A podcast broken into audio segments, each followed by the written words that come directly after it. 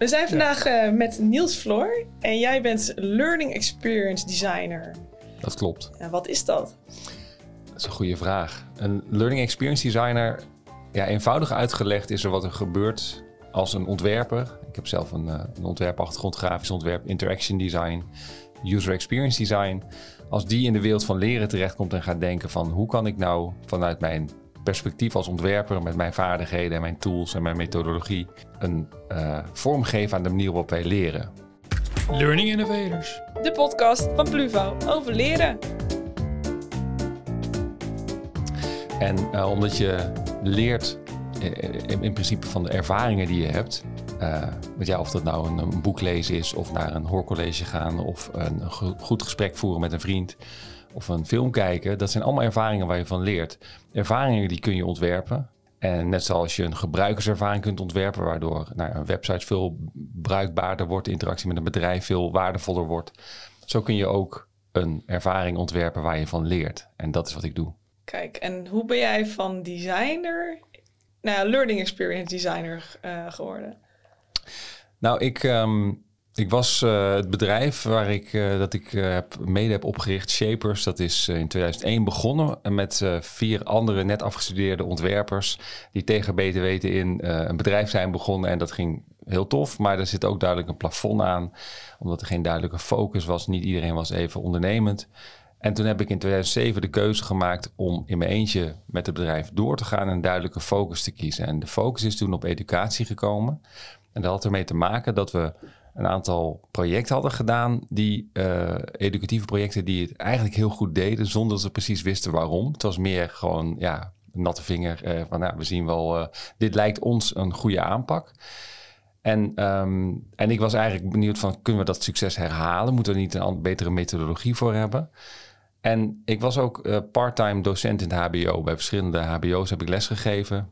En ik merkte dat mijn uh, ontwerpbril, uh, zeg maar, dat ik daardoor andere dingen anders zag dan mijn uh, onderwijscollega's. En ik dacht van, ja, maar daar zit wel iets op dat snijvlak tussen ontwerpen en, en, en, leren. Daar moet meer mee kunnen.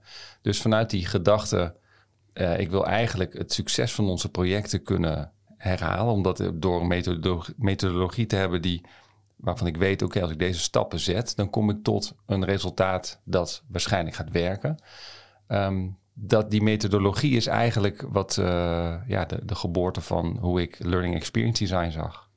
Want die projecten die je deed, dat waren educatieve projecten, gewoon lespakketten of uh, iets in die trant? Ja, we hebben, ik heb een, uh, of we hebben een, een, een, lespakket aardrijkskunde hebben we een stuk voor gemaakt over topografie bijvoorbeeld. En dan, ja, daar, daar ga je lekker een beetje mee experimenteren van wat is er allemaal mee mogelijk heel leuk project dat we hebben gedaan, dat me eigenlijk het meest aan het denken heeft gezet, is um, dat is voor Axo Nobel geweest, die graag een spel over kleurenleer wilde maken.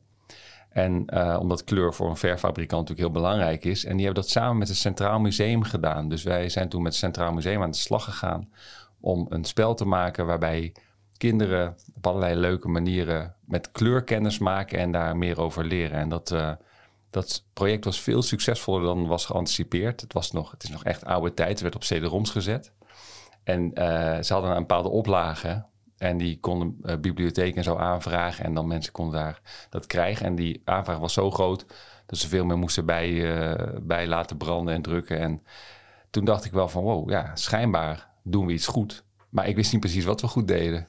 Ja, precies. En dan ben je toen een beetje eigenlijk gaan terug re-engineeren naar waar, waar zit hem dat in? Ja, toen dacht ik van ja, wat zijn inderdaad de, de, wat is zo'n ontwerpproces dat er aan ten grondslag ligt en welke, welke ontwerpkeuzes maak je dan en op welke punten kun je, kun je bijsturen? En um, ja, toen was eigenlijk al vrij snel de conclusie voor mij van uh, je kan als je iets wil ontwerpen wat, uh, wat, wat nieuw is, wat anders is, dan kun je nooit voorspellen van tevoren of het helemaal goed gaat werken.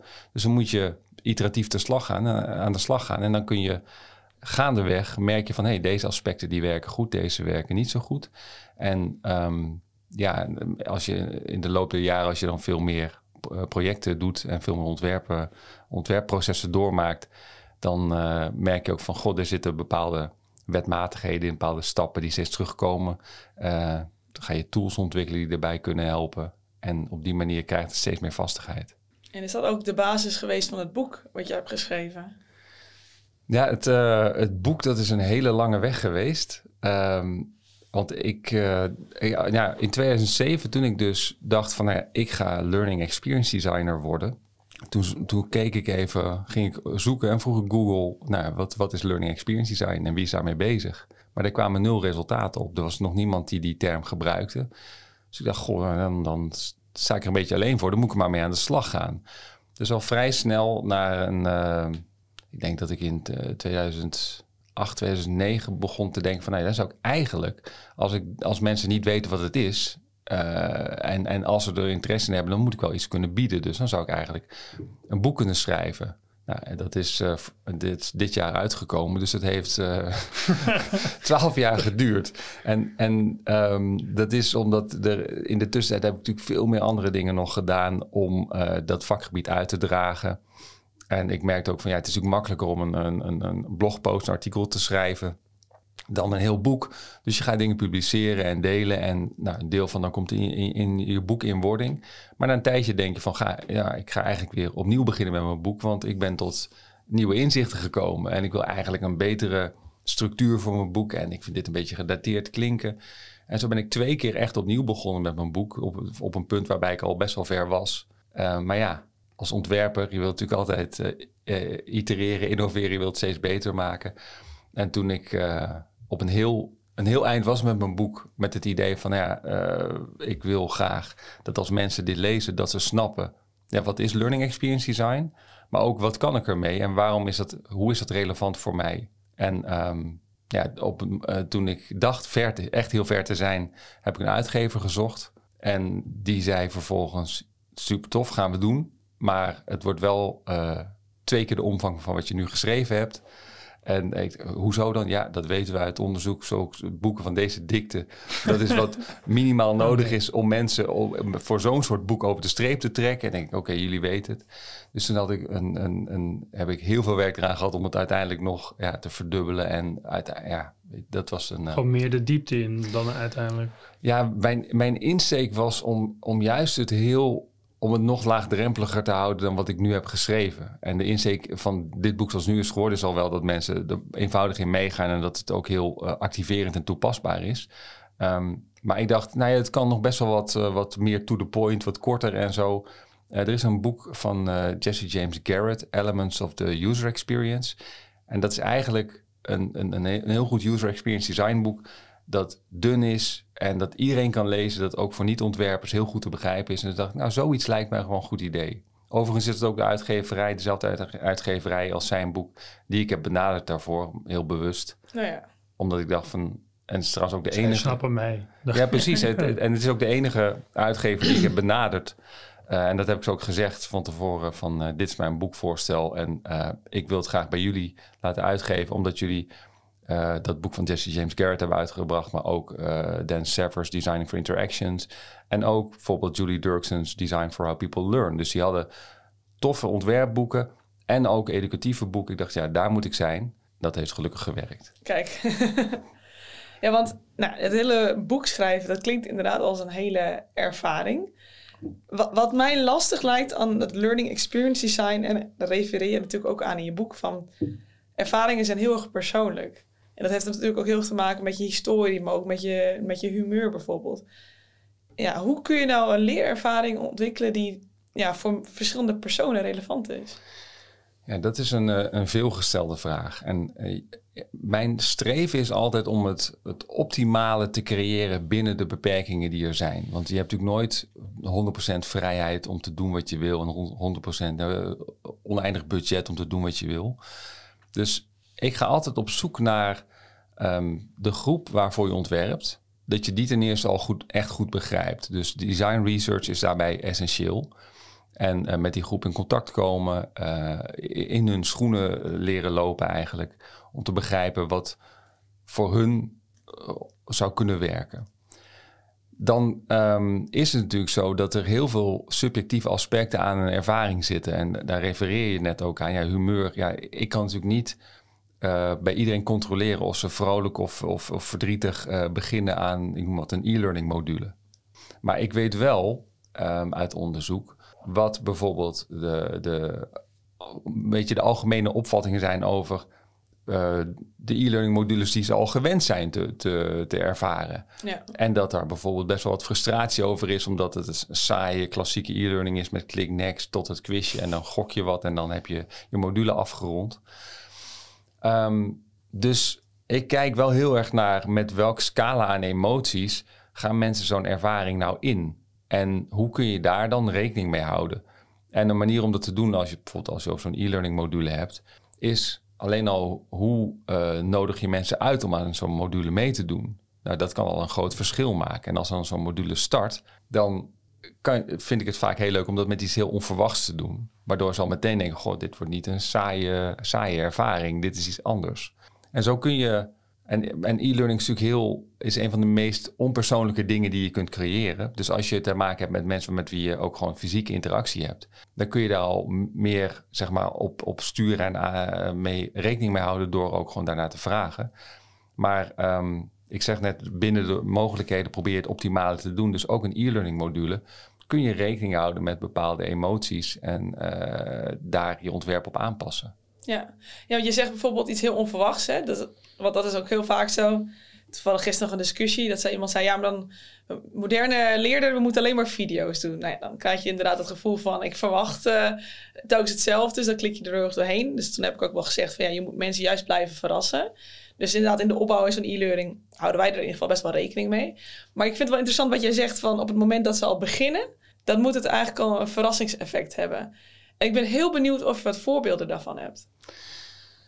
Um, Nee, kijk, een van de meest eenvoudige dingen die ik doe als ik met bijvoorbeeld trainingen geef, want naast dat ik leerervaring ontwerp, geef, geef ik ook en mijn team ook trainingen in Learning Experience Design, is uh, door uh, simpelweg te vragen, hoe voel je je op dit moment? Oké. Okay. En te kijken van ja, met wat voor gevoelens zitten mensen hier eigenlijk? En daar aandacht aan te besteden en daar iets mee te doen. Um, met uh, ja, die, een ik was, we gingen met een, met een e-learning module aan de slag over uh, geld. Het was voor, voor een financiële instantie over geld witwassen en, en, en het financieren van terrorisme en hoe dat te voorkomen. Nee, dat, dat is nogal een onderwerp. En um, de start van die module is het, het, het, kantoor komt in beeld en er komt, er komt een muziekje onder. En daar begint een verhaal. En er is dus niks van van nou, dit, uh, hier zijn jouw leerdoelen en dit is module 1 en dit is onderdeel 2 en zo gaan we aan de slag en uh, dan komt er een quiz.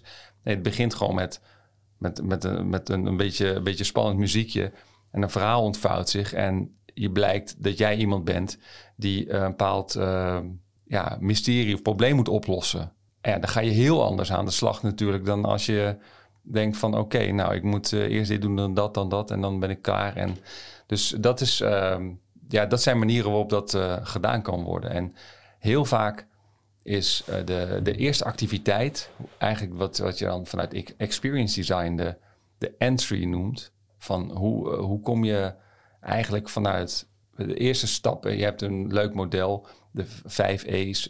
de eerste is excitement. Hoe krijg je mensen enthousiast? Nou, daar kan zo'n uitnodiging mee te maken hebben. Om, om iemand voor een module uit te nodigen. De tweede is entry. Hoe komt iemand die ervaring dan in? Nou ja, als iemand de ervaring inkomt doordat ze in een verhaal worden gezogen, dan is dat natuurlijk een verrassende start van iets wat normaal gesproken, want het was een redesign van de module en die niet klassieker kon dan praatje, plaatje, tekstje, dingetje, klik, klik en klaar. Het zet natuurlijk ook een beetje de toon van wat je daarna verwacht. Zo van oké, we gaan even lekker een, uh, een probleem oplossen. En, dat al, en gewoon een lijstje met dit gaan we doen en aan het einde weet je dat is iets waar je eigenlijk zo snel mogelijk doorheen wil klikken? Nou, daar zijn wel net um, heel veel discussies over van, want ik merk dat vanuit de. Ik, ik sta natuurlijk met, met, met anderhalf been in de ontwerpwereld, met één been in de leerwereld, zo voelt het. Of met een half been in de leerwereld eigenlijk. Um, maar ik, heb, uh, ik merk dat, dat uh, sommige mensen in de educatieve wereld echt zo zeggen van ja, maar het is super belangrijk als je precies weet wat je kunt verwachten. Wat de leerdoelen uh, Precies, dat de leerdoelen zijn. Ja. En ze zeggen, maar we weten eigenlijk ook wel dat niemand die leest en er overheen klikt of wat dan ook. En zeg maar dat. Um, En ik vind het altijd een hele moeilijke balans. Want je moet nooit te veel naar jezelf kijken. Ik zelf hou heel erg van om verrast te worden en om gewoon uh, ergens in mee te gaan en niet te weten wat er gaat gebeuren. Maar er zijn genoeg mensen die willen wel duidelijkheid. Dus daar balans in vinden, toch een bepaalde structuur aanbieden en een beetje ook nou, vanuit emoties gezien, als iemand um, denkt van nou ja, ik hou niet van verrassingen. Mhm. Nou, dat toch ook wel een bepaalde vastigheid geven. Wel dat ze snappen van oké, dit. Uh, ja, een beetje aan het begin duidelijk maken wat de structuur is. Hoeft nog niet te bijten met dat het een spannend verhaal wordt. Precies, daar kun je een mooie balans in vinden. En um, nou, ik ben met uh, um, een Amerikaanse universiteit uh, in Louisiana, de Tulane University, ben ik een, een Learning Experience Design uh, course aan het opzetten. En daarbij moet ik, werk ik gelukkig samen met een hele goede instructional designer in Amerika, want het is ook allemaal op afstand. En zij is supergoed in alle, uh, alle administratieve eisen die aan zo'n course worden gesteld. Uh, precies al die leerdoelen op een rijtje zetten op, op een manier zoals het past in hun stramien. Terwijl ik ben, ben veel meer gewend in uitkomsten te denken, in activiteiten, in emoties en al dat soort dingen. Dus ik worstelde daar best wel mee. Maar zij heeft het heel goed op een rijtje gezet. En dat was heel erg prettig. Daardoor voldoet het ook aan de eisen van zo'n universiteit. Maar tegelijkertijd zei ze wel tegen mij: ik vraag me af of iemand dit ooit gaat lezen. Ja, dus eigenlijk zeg je dan tussen de regels door van hoe relevant is dat?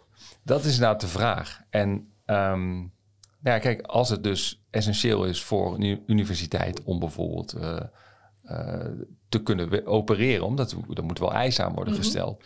Nou, dan is dat dus belangrijk. Maar niet zozeer voor degene die het leert. Maar die kan het ook gewoon overslaan in ja. principe.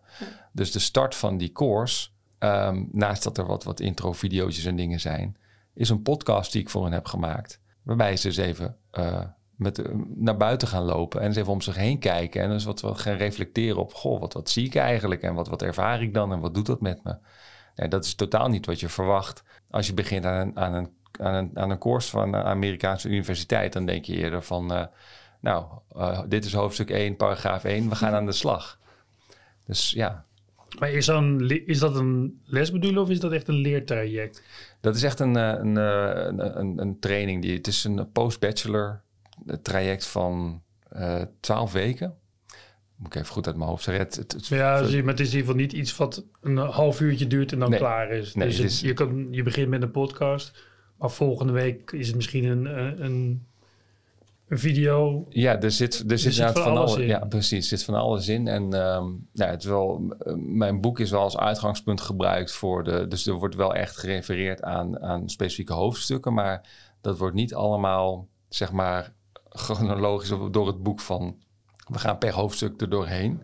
Dat wordt meer ehm, op allemaal gekoppeld aan het ontwerpproces eigenlijk. Dus de, het idee is dat er veel meer wordt gekeken naar ehm, hoe ga je door. eh, in, in, in leerdoelen onderscheid ik altijd vier doelen: inzicht, kennis, vaardigheid en gedrag. En inzicht heeft te maken met wie ben jij en hoe, hoe, kijk jij naar de wereld om je heen. En eh, kennis heeft met te maken met ja, wat weet je over die wereld en, en wat, begrijp je dan van die wereld. Eh, vaardigheden met ja, wat doe je dan? Zeg maar, wat kun je daar met de, de dingen die je om je heen ziet doen? Gewoon praktisch gezien. En, en gedrag heeft dan te maken met ja, welke keuzes maak je dan en, en, hoe gedraag je dan in die wereld? En die cyclus, die komt steeds terug in de opbouw van die, van die eh, course. Eh, waardoor we eerst naar inzicht gaan kijken. Daarom is die podcast op gericht van ja, hoe, hoe kijk je eigenlijk naar de wereld? En die gaat nog helemaal niet over. Ik ga je eens even uitleggen wat Learning Experience Design is. En dan op het moment dat die eh, blik geopend is, dan begin je uit te leggen van oké, en eh, dit is dus Learning Experience Design. En dit is hoe je dus rekening houdt met eh, persoonlijke ervaring en hoe je, daarmee, hoe je daarvoor kunt ontwerpen. Ja, en dan ga je er wat mee oefenen, de, de, de komende vaardigheden. En dan kom je daar anders uit. Dan denk je, goh ja, ik, ik ga toch op een andere manier aan de slag nu. En dan herhaalt die cyclus zich een aantal keer. En elke keer ga je dieper dat onderwerp in eigenlijk. En, en, en ga je, eh, weet je er meer over, leer je beter ontwerpen.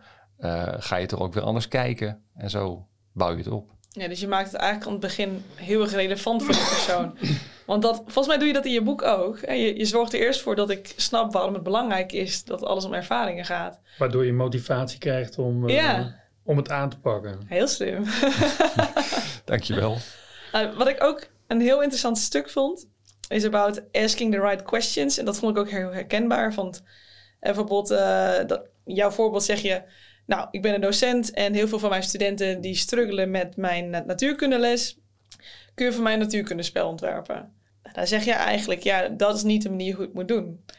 En dan refereer je naar de five whys. En ik denk dat het voor heel veel luisteraars in de podcast interessant kan zijn... om eens wat toe te lichten over die methodiek. Ja, nou ja, wat je vaak ziet is dat er een vraag achter een vraag achter een vraag zit.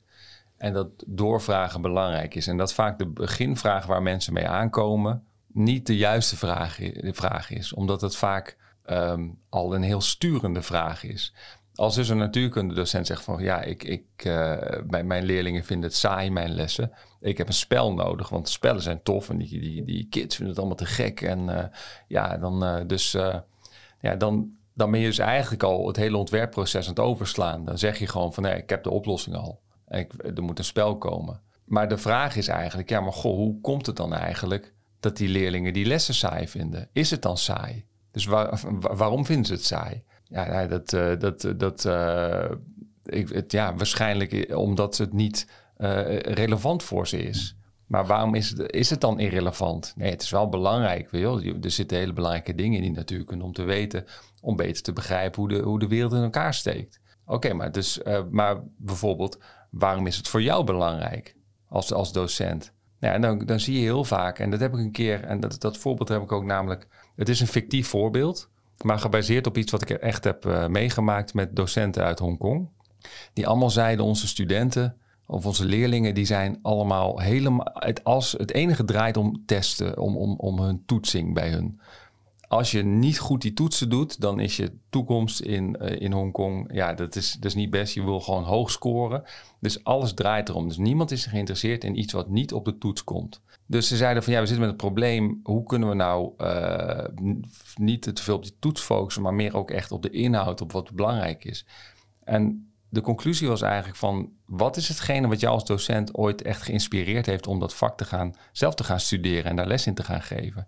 En dan zie je dat er prachtige verhalen komen over de, schoonheid van wiskunde of het belang van, van, eh, van, van, van gymnastiek of eh, de, de, de, bevlogenheid van een, eh, van een natuurkundedocent.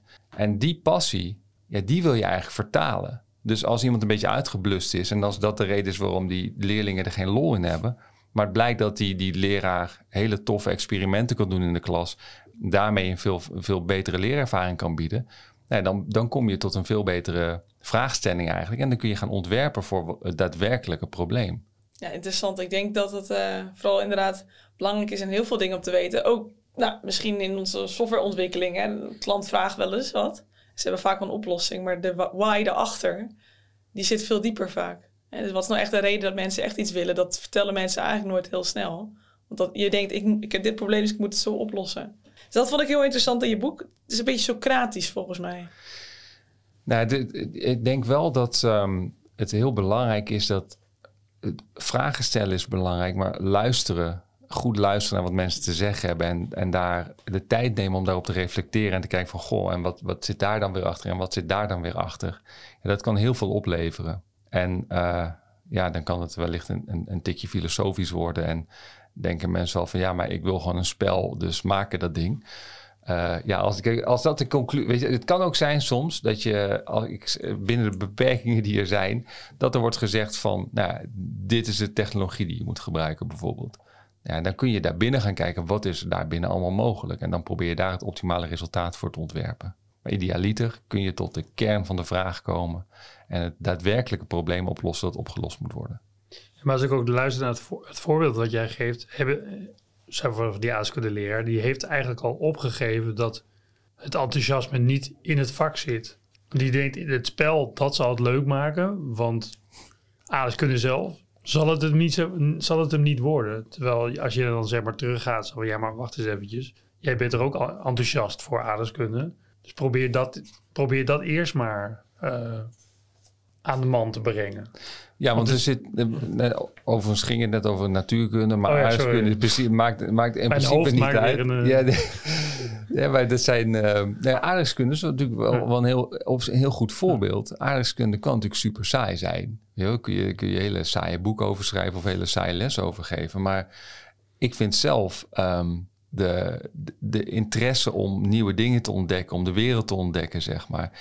Iedereen is nieuwsgierig in principe. Dus er zit iets in, uh, in mensen dat ze hun wereld willen vergroten. Dat is waarom kleine kinderen willen leren fietsen, zodat ze wat verder kunnen komen. En, en, en hoe, dus er zit. Er bestaan in mijn optiek geen saaie onderwerpen. Er is van elk onderwerp iets te maken. Want er is altijd iemand te vinden die super bevlogen is over dat hele specifieke onderwerp. En daar van alles over kan vertellen. En daar kun je mee aan de slag. Maar inderdaad, als de docent is uitgeblust. En dan is misschien wat, wat uh, psychologische hulp of wat andere ondersteuning of wat ontspanning uh, een belangrijke. Maar ik denk ook eigenlijk dat. Kijk, die, vanuit die ontwerpbril, ontwerpers die zijn die hebben een soort voelsprieten nodig over om aan te voelen van ja, wat, wat leeft er dan, wat is er nodig? Uh, wat, wat, uh, wat, zie ik bij, uh, wat zie ik om me heen? Wat zie ik bij die mensen voor wie ik ontwerp? En voor mij, die voelsprieten hebben ook heel erg met, met empathie te maken. Te, te begrijpen wat er in iemand omgaat, wat, hoe iemand zich voelt. En als je dan achterkomt dat iemand uitgeblust is, dan kan je daar ook aandacht aan besteden zonder dat je meteen daar professionele hulp in gaat bieden. Maar ik, ja, ik vind het wel belangrijk om daar best wel ver in te gaan. Ja, nee, maar. Sorry. Nee, dat uh, vind ik ook heel belangrijk. Ik, ik zit dan in te denken, ik kan me ook heel, heel veel voorstellen dat mensen die zeg maar, de, het leermateriaal maken, misschien te veel te stoer gaan zitten van. Het moet niet te lastig zijn om deze. Ja, zoals je zegt, die, die mensen die vooral voor het hoge cijfer gaan en alleen maar voor de elementen die op de toets staan die, die, daar boeit het ook helemaal niet mhm. hoe leuk het verhaal is. Die dingen gewoon, als zolang ik maar weet dat de antwoord uh, 2b is, dan, dan, ben, dan ben ik klaar. Dus ben ik dan nu een beetje bang. Zouden die mensen dan niet denken, ja, skip, skip, skip, skip, skip. Stel, het zou een e-learning zijn met allemaal video's. En op zoek te gaan naar mijn antwoord voor vraag 2. En sla ik dan de plank mis? Of, of denk je juist, nee, ja, maar dan, dan laat je alles varen dan geef je gewoon het antwoordenlijstje. Ga dat maar gewoon leren. Nee, ik denk dat, um, dat nou, die docenten in Hongkong, dat was echt wel een diep geworteld probleem. Want er zijn ook veel uh, psychische klachten onder leerlingen over de, de prestatiedruk daar. En uh, kinderen die hun kamer niet meer uit nog maar uh, gaan gamen omdat ze helemaal uitschakelen vanwege de gigantisch hoge druk die daar is. Dus best wel een extreme situatie. Maar dan nog moet je ergens een, een, een een beginpunt vinden waarin je de connectie weer gaat maken. Waarbij, want. Ja, maar dit speelt ook in Nederland, toch? Dat is als ik bij mijn kinderen kijk, dan is het ook vooral het, het cijfer halen, het, het ding. Ja, nou, en, en omdat het in Hongkong wat uitvergroot werd, werd ik er nog veel bewuster van over hoe wat voor impact dat heeft op mensen. En dat je dus eigenlijk ook, als je dan iets gaat ontwerpen, en ik had niet de tijd om met hun echt iets te gaan ontwerpen, maar meer een soort beginpunt te vinden. Als het ingangspunt is die liefde voor jou, de liefde voor jouw vak, maar ook de liefde die je hebt voor het vak ten opzichte van jouw leerlingen. Want je wordt geen docent omdat je een hekel hebt aan, aan, aan kinderen bijvoorbeeld. Hè? Dan moet je dat niet gaan doen. Um, dus die twee aspecten van ja, maar je vindt het tof om met die kinderen te werken, om ze verder te helpen. En je bent gepassioneerd over het vak dat je geeft. Nou, daar gaan we mee beginnen, zodat uiteindelijk, want die leraar is natuurlijk niet de belangrijkste persoon in die ervaring, dat is de leerling. En die leerling, als die voelt van hé, hey, er wordt iets gedaan wat echt voor mij is, wat, wat um, in welke vorm dat ook is, dan gaan ze toch aan. Denk ik toch van hé, hey, hier, hier wil ik wel. voel je dat het interessant is gewoon. Ja, want eh, wat ik heel erg heb gemerkt in ehm, de, de kracht van als je een goede leerervaring ontwerpt, de intentie waarmee je hem ontwerpt. Als jouw intentie is om mensen echt verder te helpen, om te laten zien, ik begrijp uh, wie jij bent, ik begrijp waarmee jij worstelt, ik begrijp ook wat jij te gek vindt om te doen.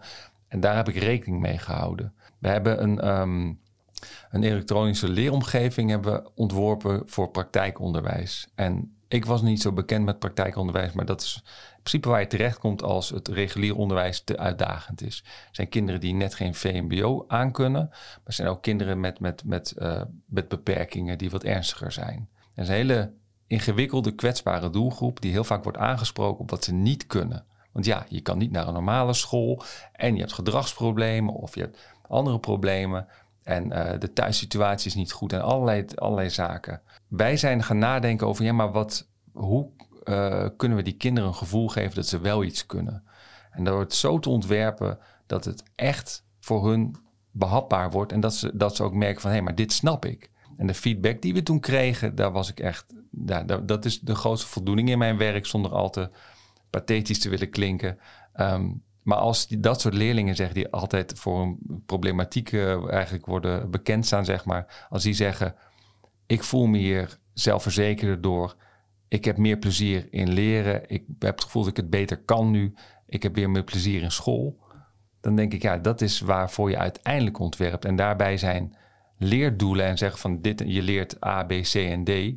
Dat is relevant, maar niet zo relevant als die uiteindelijke uitkomst van ik ga met meer zelfvertrouwen en plezier naar school. Want dat heeft natuurlijk een, een impact die veel verder strekt dan ik weet uh, antwoord A en antwoord B en antwoord C. Ja, dat, dat is eigenlijk alweer wat je in het begin ook zei. van dat hele lijstje van tevoren, dit is wat je uiteindelijk gaat leren, is eigenlijk eerder belangrijk voor degene die de lessen gaat maken, zodat die weet, heb ik dit allemaal bereikt ja. met mijn lessen, dan dat het voor de leerling is om te weten, dit heb ik allemaal bereikt. Dat boeit hem eigenlijk niet, als het maar een goede reis is en dat hij ervan geleerd heeft. Zeker. Ja, en, en dat er dus een uitkomst is die eigenlijk voorbij gaat aan, eh, ik heb dit geleerd, maar meer gaat over, dit, mijn leven is op een positieve manier beïnvloed, veranderd uh, door deze ervaring. En dat kan heel breed zijn. Ja, ik denk dat dat inderdaad wel de grootste les is. En het verbaast me toch wel bij heel veel leerinterventies, uh, dat het toch heel erg top-down is gedacht. Van ze moeten dit kunnen, ze moeten dit weten. En helemaal niet vanuit nou, de lerende. Dat is denk ik wel de grootste les uit jouw boek. Maar ik kan me ook wel voorstellen dat als je denkt van... hé, hey, ik wil nu met learning experience design aan de slag... dat je denkt, waar moet ik dan eigenlijk beginnen? Heb je misschien ook wat praktische tips voor mensen die dit horen? Ja, nou, er zijn verschillende mogelijkheden. En ik ga dan niet meteen zeggen, koop mijn boek. Um, dat is natuurlijk een mogelijkheid. Daar is wel waar ik het voor geschreven heb natuurlijk. Uh, maar uh, als je aan de slag wil... Um, hangt het een beetje af waar je vandaan komt, wat je achtergrond is. Als je uh, we zijn drie groepen grof gezegd. Je hebt mensen die uit de educatieve wereld komen. Nou, die, daar ontbreekt vaak de ontwerpachtergrond. En die wil ik dus ook aanraden om ga eens met wat, wat um, experimenteren met ontwerpmethodes. Uh, ga eens aan de slag om iets op een andere manier te creëren dan je gewend bent. Om ook uit je eigen ja, comfortzone te stappen. Dat zou een eerste stap kunnen zijn. En ik heb zo wat, wat, nog wat hulpmiddelen die ik daarbij kan noemen. Maar als je een ontwerpachtergrond al hebt, dan kun je natuurlijk gaan, moet je gaan denken over hoe kan ik die vaardigheden dan inzetten uh, op, een, uh, op het vlak van leren. Nou, daarvoor, uh, en voor beide is eigenlijk eenzelfde tool handig. En dat is een tool die ik ook heb gemaakt die gratis beschikbaar is. Het Learning Experience Canvas. En ik zie hem daar ook liggen. Um, en dat canvas dat geeft eigenlijk alle elementen weer die van belang zijn bij het ontwerp van een leerervaring. En wat je kan doen bijvoorbeeld, is met het canvas een bestaande ervaring analyseren. En kijken van, goh, wat zijn dan verbeterpunten? En dat zijn kleinere stappen dan een heel nieuw ontwerp maken. Dus dat zou ik iedereen kunnen aanraden, of je nou een ontwerpachtergrond hebt of niet.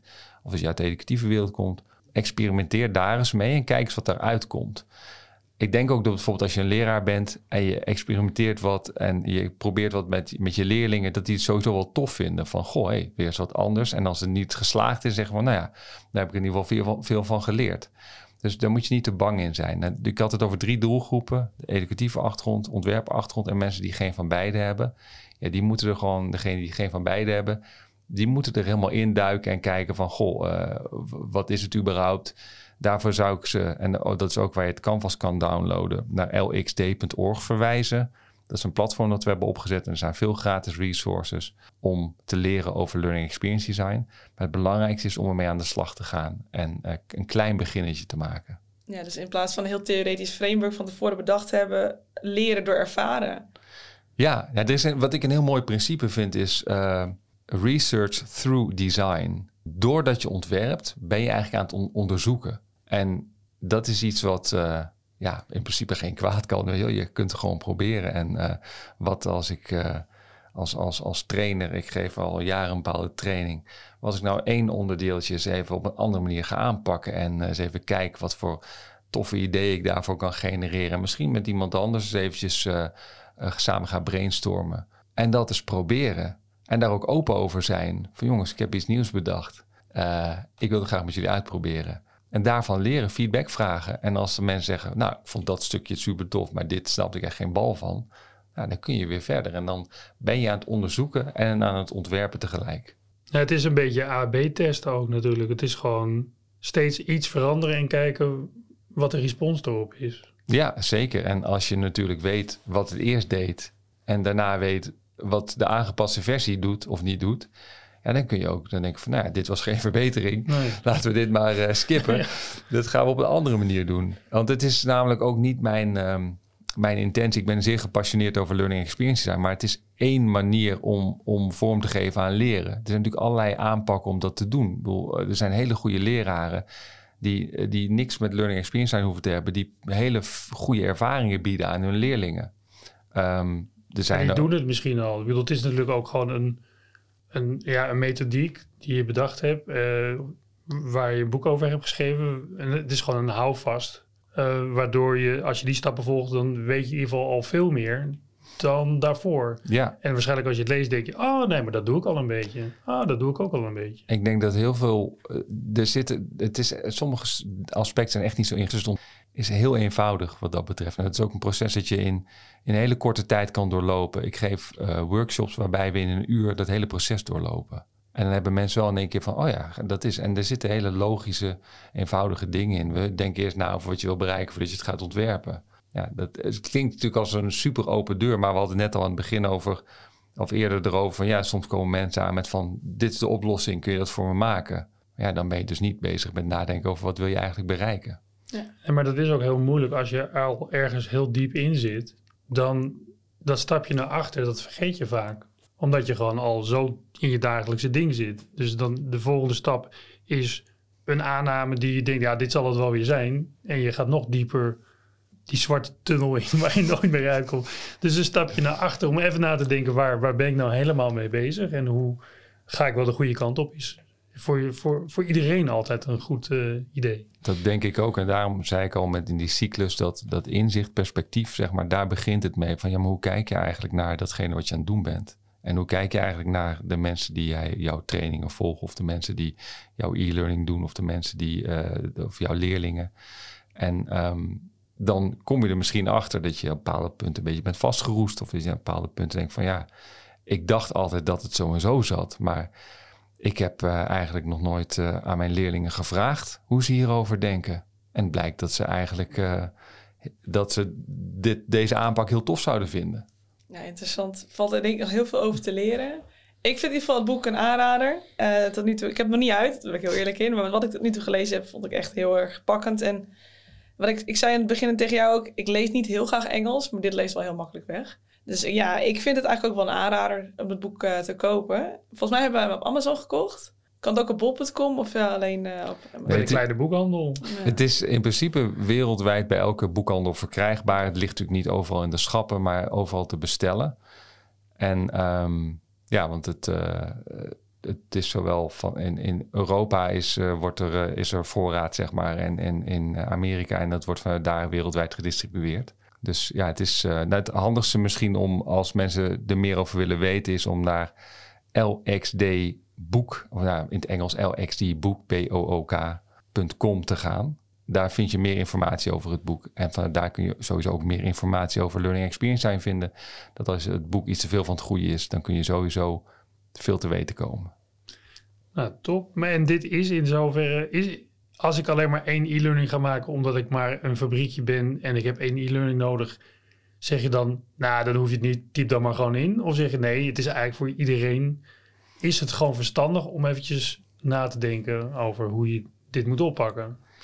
Ik denk dat als er een, eh, zeg maar een zeer beperkte toepassing van is, dat, uh, kijk, als bijvoorbeeld effectiviteit een, een, heel belangrijk aspect is van datgene wat je wil doen, in de zin van, nou ja, je hebt die fabriek en één e-learning en uh, dat willen we snel en goed geregeld hebben, dan zou ik eerlijk gezegd uh, niet voor deze aanpak kiezen. Omdat deze aanpak toch wat experimenteren vergt, wat nieuwe dingen proberen en zo'n ontwerpproces is uitdagender in bepaalde opzichten dan een misschien iets wat traditionelere aanpak. Ehm, Maar dan, kan- dan eindigen we wel met een, met een, een simpele e-learning die een beetje saai is, maar wel doeltreffend. Ja, nou ja, kijk, als mensen zich daar inderdaad over, overeen kunnen zetten dat het misschien niet de meest spectaculaire e-learning is, eh, maar dat het in principe wel zijn werk doet, dan eh, denk ik dat, de, dat die klant daarmee wellicht het best gediend is. Als ze nou denken van, goh, maar we hebben eigenlijk een, een wat groter doel. Ja, we En willen het hele personeel we willen- upliften. en Precies, dit moet een verschil gaan twee, maken. Ja, dan, dan wordt het wel interessant inderdaad. Omdat, ehm, ja, je, het gaat allemaal om, ja, hoe, Je spreekt ook gelijk de motivatie van die mensen. Ja, hopelijk verbeter je die dan ook. Zeg Ja. maar. Er, is, er valt meer winst te behalen inderdaad Ja. in dat opzicht. Ehm, maar de, ja, de omstandigheden die dicteren soms een oplossing die, niet, eh, die misschien niet ideaal is, maar wel passend is binnen die omstandigheden. En eh, ik wil ook niet mensen zeggen van ja, maar als je het niet zo doet zoals, eh, zoals ik het zeg, dan, komt dan komt het niet goed. Er zijn natuurlijk allerlei manieren. Maar ik denk wel dat iedereen die een beetje open staat voor goh, maar wat is er eigenlijk nog meer mogelijk en hoe zou ik daarmee aan de slag kunnen, dat die hier wel echt door aan het denken worden gezet. Ja, het heeft misschien ook wat te maken met... eh, ik moet laten zien dat iedereen die e-learning heeft gedaan... versus eh, ik wil echt dat ze de kennis gaan kunnen toepassen in de praktijk. En niet alleen dat ze het kunnen herhalen... maar ook dat ze het bijvoorbeeld kunnen toepassen. En dat die, de, kennistransfer gewoon hoger wordt... als je het ontwerp beter aanpakt. Ja, nou, ik vind het heel grappig dat die, die, die module die ik net omschreef, die met dat verhaal begon over, over geldwitwas en dat voorkomen en dat soort zaken. ehm, de enige klachten die we daarover kregen, waren van mensen die zeiden, dat was echt een minderheid. Ik denk dat zo'n zo 5% van de mensen die reageerden. Die zeiden van ja, maar nu, ik kon eerst altijd gewoon tijdens mijn lunch door zo'n e-learning heen klikken. En had ik het gehaald, was ik er klaar mee in de helft van de tijd. En nu moet ik gewoon opletten. Ik moet echt gewoon iets ervoor Ja. doen. Eh, En toen dacht ik, nou, dat vind ik wel een heel groot compliment eigenlijk. Dankjewel.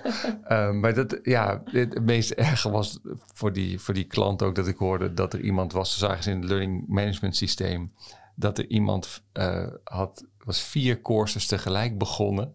En ongeveer dezelfde tijd ook klaar in korte tijd. Dus je heeft alleen maar steeds in verschillende tabbladen door zitten klikken. Totdat alles klaar was en die had weer zijn e-learning gedaan. Nou, als het streven is om mensen inderdaad het, het, alleen maar zo makkelijk mogelijk te maken. En niet te druk te maken of wat je net zegt, een transfer van gaan zo mensen ook iets mee doen. Ja, dan, dan is dat ideaal natuurlijk. Want ik kan maar beter gewoon helemaal laten wellicht. Maar um, als het er ook om gaat dat uh, mensen met wat je ook net aangaf bij die fabriek, de motivatie omhoog gaat.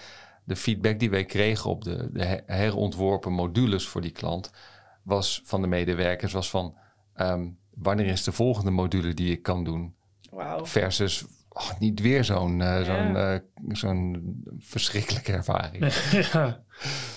Nou, ik vind het wel heel mooi om te horen hoe je dan zo het verschil maakt met een best wel droog onderwerp wellicht. Zeker. E-learning is juist een hartstikke leuk onderwerp. Ja, maar of witwassen. learning aan zich. Toch? Witwassen. Ja. Uh, Ja. Ik kan me Nee. voorstellen dat dat niet voor iedereen het meest sprankelende uh, onderwerp is. Dat iedereen ook het moet doen. Weet je, het voelt vaak als een moetje. Versus... Ja, het is, en dat was ook een verplichte module. Ja. We hebben het over ruim 3000 mensen die dit allemaal moeten doen. En 3000 mensen die elke keer dachten van, uh, nou, we klikken er weer doorheen en het komt wel. Uh, Ja, want banken moeten ook bewijzen dat ze Ja. wat doen tegen witwassen. Dus dat, Zeker. dit is een van de onderdelen. Die, eh, En dan, en, en dan gaat mijn ontwerpershart meteen sneller kloppen. En denk ik, oké, dus iedereen moet het doen. Want het is ook gewoon bij wet verplicht. En als het dus niet wordt gedaan, dan zijn er echt ook consequenties. Niet alleen van als de mensen niet goed zeg maar, zijn opgeleid. En zeg maar, eh, zeg maar dat dat al strafbaar is. Maar er wordt ook gewoon Maar geld als er, als er fouten worden Ja. gemaakt Ja. waardoor eh, zo'n instantie geld uitleent aan een criminele organisatie, vervolgens ergens de boel, een, een, een aanslag plegen. Nou dat, nou, dat zijn spannende verhalen. Ik denk van er is niks saais aan dat onderwerp. Het heeft gewoon gigantische consequenties. Dus die verhalen, daar zijn we ingedoken. En Ja, gaaf. nou, dan word ik meteen enthousiast. En je merkt ook dat de mensen die daar werken, die zeg maar, met wie wij samen dat ontwikkelen, dat in eerste instantie zeggen, ja, het is wel een saai onderwerp, maar vervolgens zeggen, nou, eigenlijk is het helemaal niet saai. Nee. Maar het is maar net hoe je het bekijkt, Hmm. toch? Inderdaad, als ik zeg, dit is de wetgeving, hier moet je op letten, denk je, ja, ja, ja. Terwijl als je het inderdaad op deze manier doet, want het is best spannend als je het zo vertelt. En ik denk dat het een beetje hetzelfde is, dus inderdaad, al die, die, eh, we hebben zelf ook een privacy e-learning ontwikkeld. En dat kan ook zi- zijn van dit zijn de regels. En wat ik wel heel tof vond aan, is dat het heel verhalend was en heel scenario gebaseerd. Op basis van onze organisatie.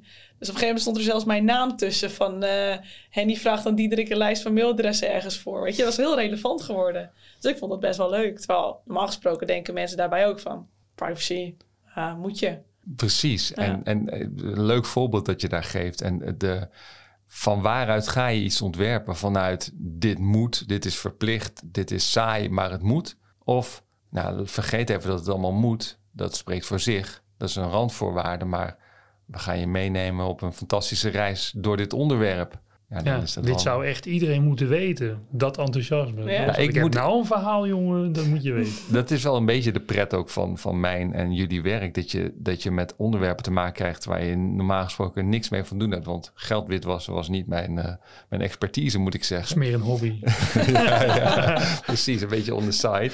Maar ehm, nee, dat, eh, maar dat het kennis maken met al die verschillende onderwerpen, eh, dat opent toch echt je ogen tot van, ja, ik had het over praktijkonderwijs. Ik wist daar niet zoveel van. Als je niet mee te maken hebt, dan is dat een, een, een hele eh, soort afgesloten wereld. Die is ook heel beschermend van zijn leerlingen. Maar ook, ehm, we hebben een project over jonge mantelzorgers gedaan. En dan blijkt dat één op de vier jongeren mantelzorger is. En denk je, goh, maar 1 op de 4. ja, Nou, best veel. ja, want er zijn zoveel.